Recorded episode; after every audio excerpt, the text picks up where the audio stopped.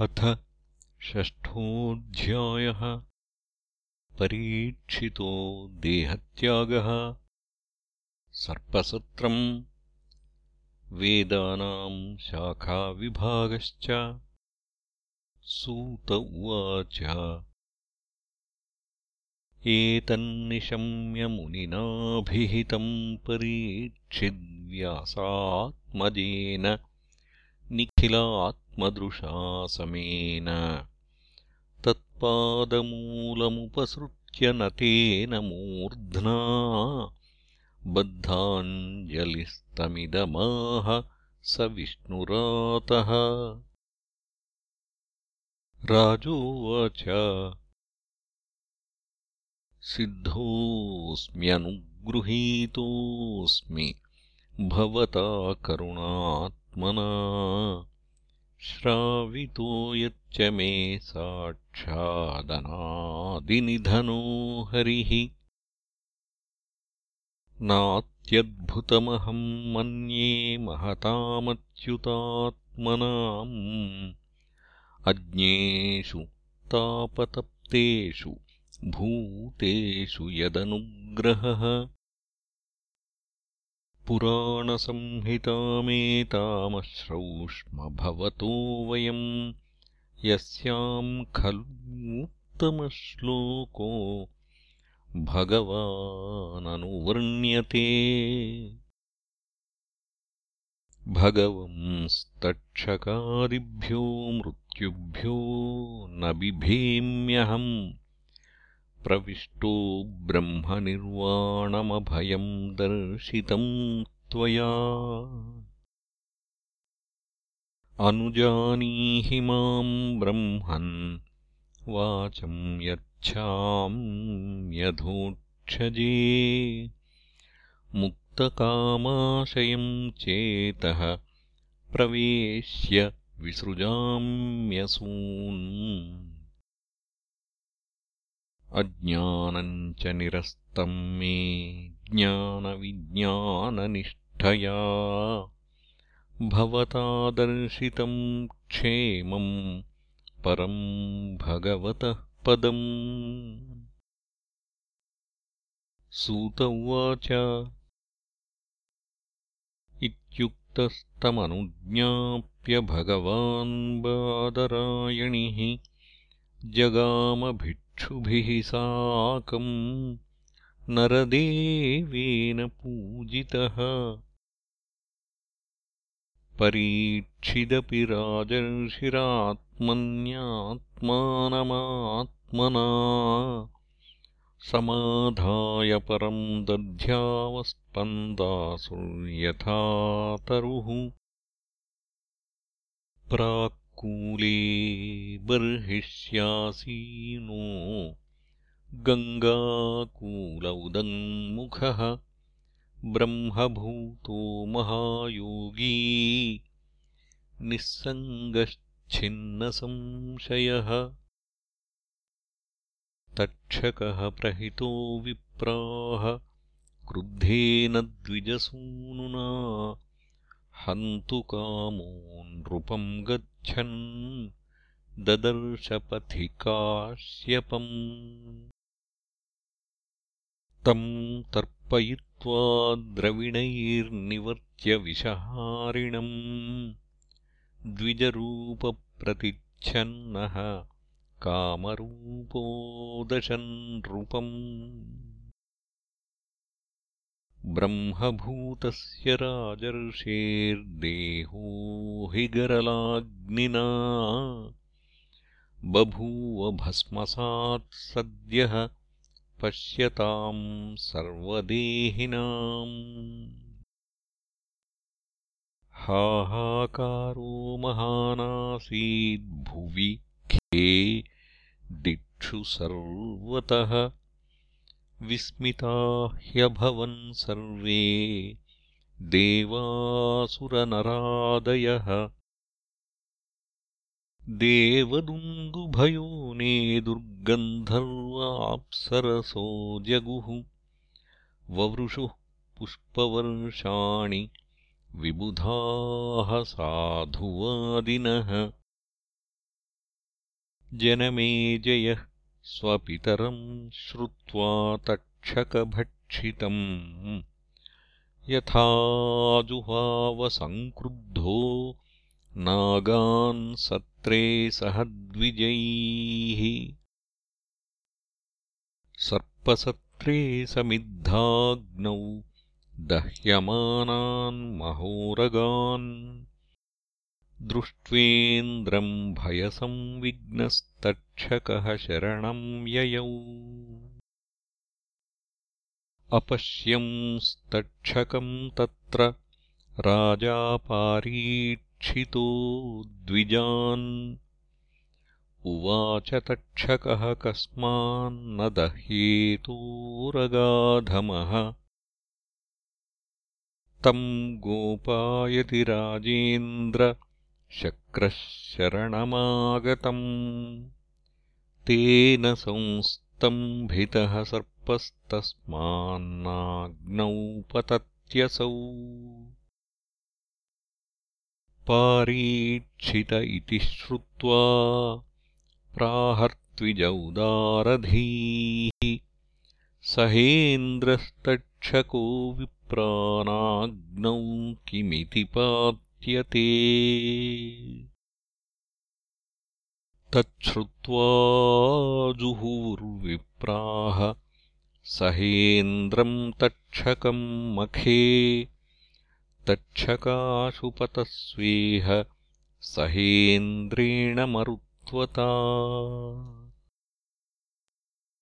इति ब्रह्मोदिताक्षेपैः स्थानादिन्द्रः प्रचालितः। बभूव सम्भ्रान्तमतिः स विमानः स तक्षकः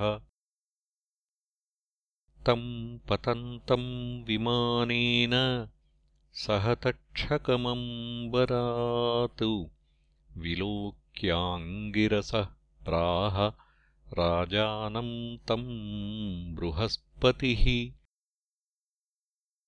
नैष त्वया मनुष्येन्द्रवधमर्हति सर्पराट्।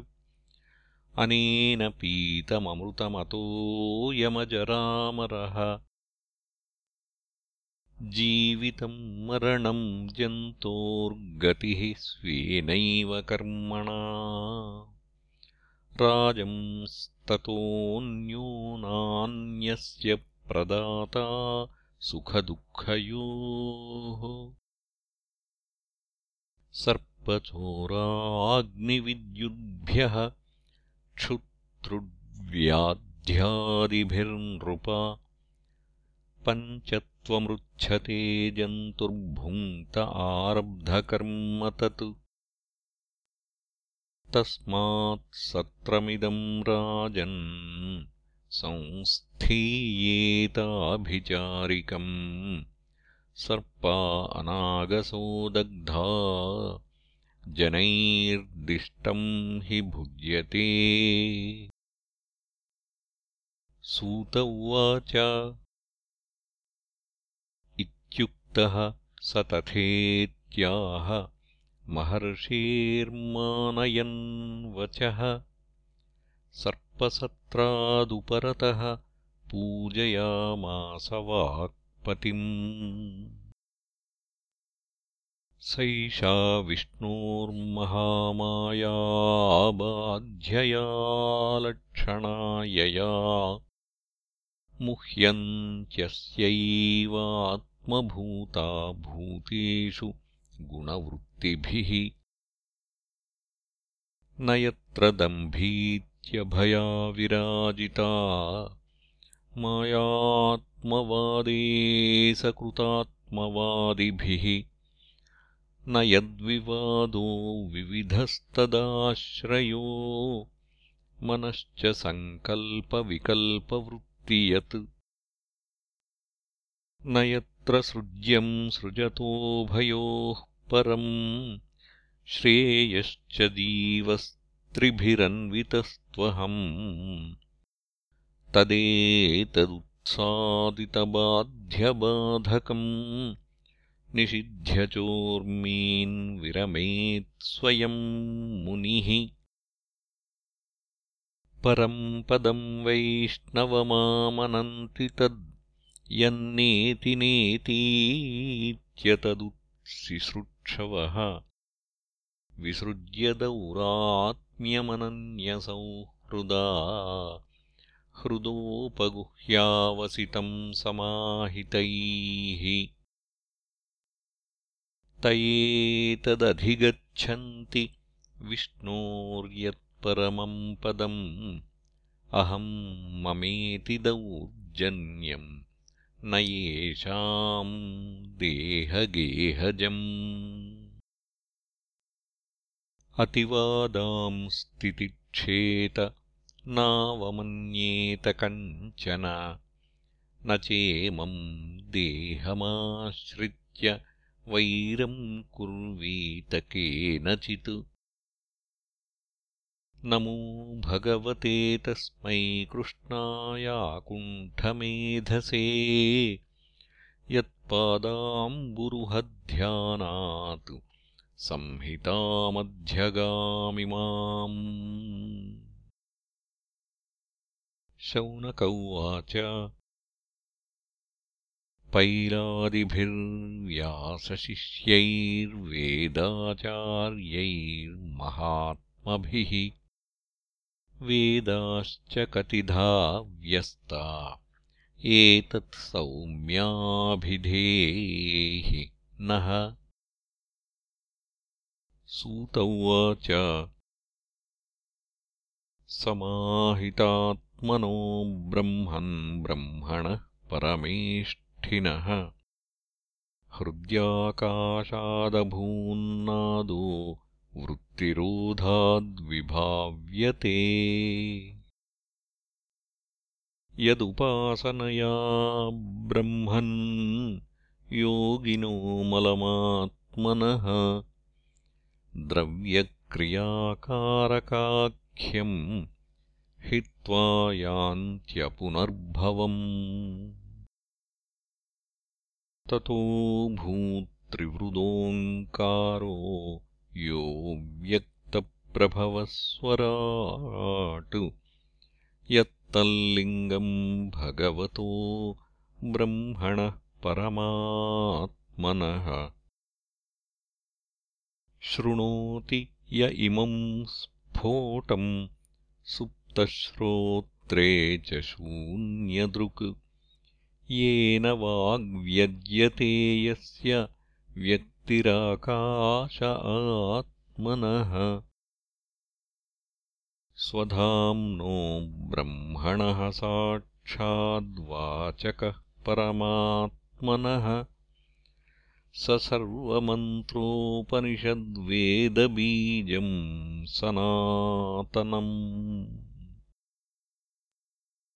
तस्य ह्यासंस्त्रयो वर्णा अकाराद्या भृगूद्वः धार्यन्ते यैस्त्रयो भावा गुणनामार्थवृत्तयः। ततोऽक्षरसमाम्नायमसृजद्भगवानजः अन्तस्थोष्मस्वरस्पर्शह्रस्वदीर्घादिलक्षणम्। तेनासौ चतुरो वेदांश्चतुर्भिर्वदनैर्विभुः। सव्याहृतिकान् सोऽङ्कारांश्चातुर्होऽत्र विवक्षया पुत्रानध्यापयत्तांस्तु ब्रह्मर्षीन् ब्रह्मकोविदान्। ते तु धर्मोपदेष्टारः स्वपुत्रेभ्यः समादिशन्। ते परम्परया प्राप्तास्तत्तच्छिष्यैर्धृतव्रतैः चतुर्युगेष्वथव्यस्ता द्वापरादौ महर्षिभिः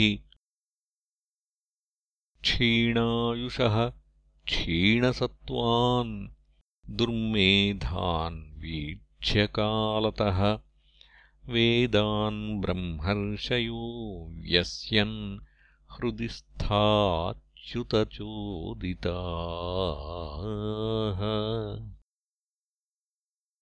अस्मिन्नप्यन्तरे ब्रह्मन् भगवान् लोकभावनः। ब्रह्मेशाद्यैर्लोकपालैर्याचितो धर्मगुप्तये। पराशरात् सत्यवत्यामंशांशकलया विभुः। अवतीर्णो महाभाग वेदम् चक्रे चतुर्विधम्। ऋगधर्वयजुःसाम्नाम् राशीनुद्धृत्यवर्गशः चतस्रः संहिताश्चक्रे मन्त्रैर्मणिगणा इव तासाम् स चतुरः शिष्यानुपाहूय महामतिः। एकैकाम् संहिताम् ब्रह्मन्नेकैकस्मै ददौ विभुः। पैलायसंहितामाद्याम् बह्वृचाख्यामुवाचः वैशम्पायनसंज्ञाय निगदाख्यम् यजुर्गणम्। साम्नाम् जैमिनये प्राह तथा छन्दोगसंहिताम्। अथर्वाङ्गिरसीम् नाम स्वशिष्याय सुमन्तवे पैलः स्वसंहितामूचे इन्द्रप्रमितये मुनिः बाष्कलाय च सोऽप्याह शिष्येभ्यः संहिताम् स्वकाम्। चतुर्थाव्यस्य बोध्याय याज्ञवल्क्याय भार्गव पराशरायाग्निमित्रे इन्द्रप्रमितिरात्मवान्। अध्यापयत्संहिताम् स्वाम् माण्डूकेयम् ऋषिम् कविम् तस्य शिष्यो देवमित्रः सौभर्यादिभ्यौचिवान् शाकल्यस्तत्सुतः स्वान् तु पञ्चधाव्यस्य संहिताम्। वात्स्यमुद्गलशालीयगोभिल्य शिशिरेष्वधातु। जातूकर्ण्यश्च तच्छिष्यः स निरुक्ताम् स्वसंहिताम्। बलाकपैजवैतालविरजेभ्यो ददौ मुनिः। बाष्कलिः प्रतिशाखाभ्यो वालखिल्याख्यसंहिताम्। चक्रे वालाय निर्भज्यः कासारश्चैव ताम् दधुः बह्वृचाः संहिता ह्येता एभिर्ब्रह्मर्षिभिर्धृताः। श्रुत्वैतच्छन्दसाम् व्यासम् सर्वपापैः प्रमुच्यते। वैशम्पायनशिष्या वै चरकाध्वर्यवो भवन् यच्चेरुर्ब्रह्महत्यां क्षपणम् स्वगुरोर्व्रतम्। याज्ञवल्क्यश्च तच्चिष्यः आहाहो भगवन् कियत्। चरितेनाल्पसाराणाम् चरिष्येऽहम् सुदुश्चरम् इत्युक्तो गुरुरप्याह कुपितो याह्यलम् त्वया। विप्रावमन्त्राशिष्येण मदधीतम् त्यजाश्विति। यजूंषितित्तिरा भूत्वा तल्लोलुपतया ददुः तैत्तिरीया इति यजुःशाखा आसन् सुपेशलाः। याज्ञवल्क्यस्ततो ब्रह्मम् छन्दांस्यधिगवेशयन्। गुरोरविद्यमानानि सूपतस्थेऽर्कमीश्वरम् याज्ञवल्क्य उवाच ॐ नमो भगवते आदित्यायाखिलजगताम् आत्मस्वरूपेण कालस्वरूपेण च चतुर्विधभूतनिकायानाम् ब्रह्मादिस्तम्बपर्यन्तानामन्तर्हृदयेषु बहिरपि च आकाशैवोपाधिना व्यवधीयमानो। भवानेक एव क्षणलवनिमेषावयवोपचितसंवत्सरगणेन अपामादानविसर्गाभ्यामिमाम् लोकयात्रामनुवहति।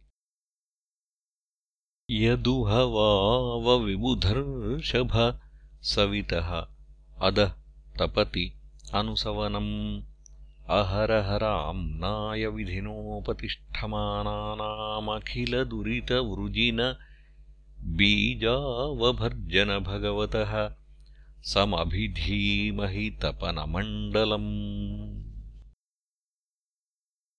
यैहवावस्थिरचरनिकराणाम् निजनिकेतनानाम् मन इन्द्रियासुगणान् अनात्मनः स्वयमात्मान्तर्यामी प्रचोदयति। य एवेमम् लोकमतिकरालवदनान्धकारसंज्ञा। अजगरग्रहगिलितम् मृतकमिव विचेतनमवलोक्यानुकम्पया परमकारुणिक ईक्षयैवोत्थाप्याहरहरनुसवनम् श्रेयसि। स्वधर्माख्यात्मावस्थाने प्रवर्तयति। अवनिपतिरिव असाधूनाम् भयमुदीरयन्नटति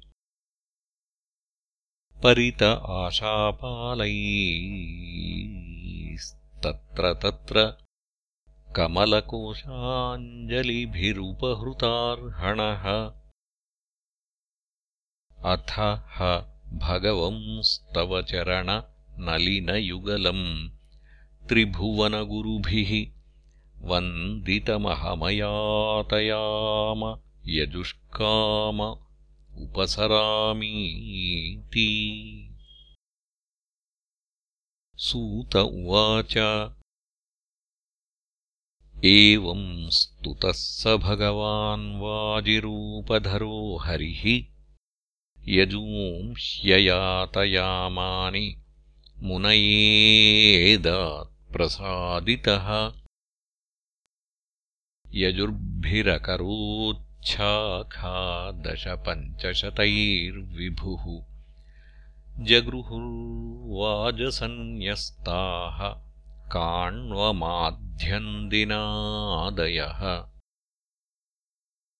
जैमिनेः सानुगस्यासीत् सुमन्तुस्तनयो मुनिः। सुन्वांस्तु तत्सुतस्ताभ्यामेकैकाम् प्राहसंहिताम्। सुकर्मा चापि तच्छिष्यः सामवेदतरोर्महान् सहस्रसंहिताभेदम् चक्रे साम्नाम् ततो द्विजः। हिरण्यनाभः कौसल्यः पौष्यञ्जिश्च सुकर्मणः शिष्यौ जगृहतुश्चान्य आवन्त्यो ब्रह्मवित्तमः उदीच्याः सामगाः शिष्या। आसन् पञ्चशतानि वै पौष्यञ्ज्यावन्त्ययोश्चापि तांश्च प्राच्यान् प्रचक्षते। लौगाक्षिर्माङ्गलिः कुल्यः कुसीदः कुक्षिरेव च पौष्यञ्जिशिष्या जगृहुः संहितास्ते शतम् शतम्। कृतो हिरण्यनाभस्य चतुर्विंशतिसंहिताः। शिष्यौ चे स्वशिष्येभ्यः शेषा आवन्त्य आत्मवान् इति श्रीमद्भागवते महापुराणे पारमहंस्याम् संहितायाम् द्वादशस्कन्धे षष्ठोऽध्यायः